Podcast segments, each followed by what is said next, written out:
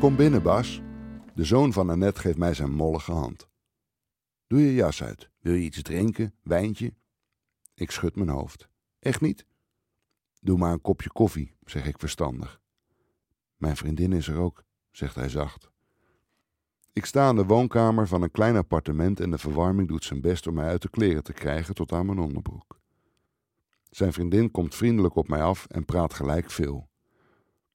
Annette heeft zoveel over jou verteld, je bent haar ideale schoonzoon. De zoon van Annette schuifelt achter haar langs naar zijn keukentje en mompelt de messie onder de vrijwilligers. Ik sta er wat verloren bij. Neem plaats. De zoon van Annette gaat tegenover mij zitten op zijn bureaustoel. Zijn vriendin maakt de driehoek. Zit je lekker, Bas? vraagt hij. Wel oké, antwoord ik wat verbaasd. Eerlijk zeggen. Ja hoor, prima bank. De zoon van Annette en zijn vriendin wisselen een blik en schieten dan in de lach. Hij zit helemaal niet lekker, Bas. Veel te hard. Ze lachen weer samen. Ik lach beleefd met ze mee en zeg dat de bank inderdaad ruk zit, al vind ik het wel meevallen.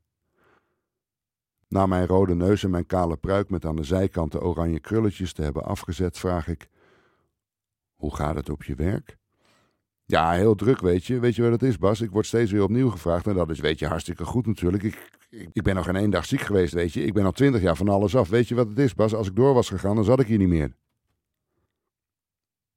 Zijn vriendin knikt instemmend. Hoe is Annette? vraagt ze. Aardig, soms een beetje mopperend, maar ik kan goed met haar overweg. Annette vindt het maar niks dat hij schilder is geworden. Ze knikt met haar hoofd zonder mijn blik los te laten naar haar geliefde. Het liefst had ze gezien dat hij advocaat werd. Ik kijk naar de zoon van Annette en deze 56-jarige man met hamsterwangetjes trekt verontschuldigend zijn schouders op. Zijn vingertoppen lijken met lijm aan elkaar vast te zitten. De vriendin vertelt mij dat Annette vol lof is over mijn stuurbehandeling. Quote, alsof hij met één hand zijn geliefde beroert. Ik moet hier hard om lachen. De spanning is weg. Met zijn hand om de hals van de fles krijg ik ondertussen dan toch een rode wijn ingeklokt. Hou jij van autorijden? vraag ik de zoon van Annette. Nee, antwoordt hij. In de bergen van Spanje zat ik vaak naast mijn vader, weet je, en die reed zo hard en roekeloos en altijd met een fles sterke drank tussen zijn benen. Ik haat autorijden. Och, arme, denk ik. Ik bibber even. Ze hebben er nog wat over Annette, die ik niet zo goed ken, en over zijn destructieve vader met af en toe losse handjes. Ook naar Annette?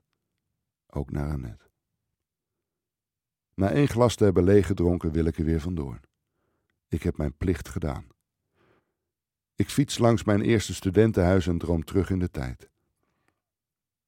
Voor één avond wil ik daar wel slapen, op mijn eenpersoonsbed fantaserend wat de toekomst mij zal brengen. Op weg naar huis voel ik mij jong en sterk en denk aan alle kinderen van wie hun ouders zijn gescheiden, die geslagen zijn weg wilden lopen of huilend in een hoekje van hun kamer zitten te luisteren naar het geruzie van beneden.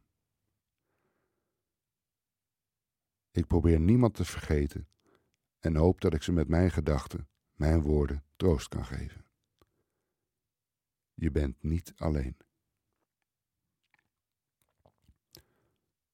De volgende dag krijg ik een app van de zoon van Annette met erop een foto en de tekst was gezellig gisteren. Ik zie Annette in haar rolstoel op straat vlak bij haar huis. Ze wijst naar een bord waarop te koop staat. Het makelaarskantoor draagt mijn voornaam.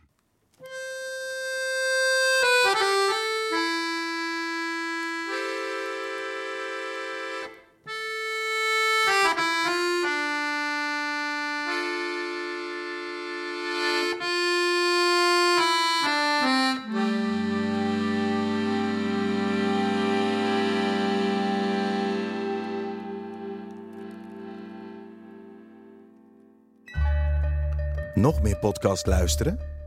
Luister naar het audiodrama Luchten, een serie briefgesprekken tussen gedetineerden en mensen buiten de gevangenismuren. Wat is werkelijk vrij zijn? Wat nou vrij? Wat schuilt er echt achter de woorden die zo gewoon lijken? Luchten is een podcast van Afro Tros en NPO Radio 1 te beluisteren in je favoriete podcastspeler.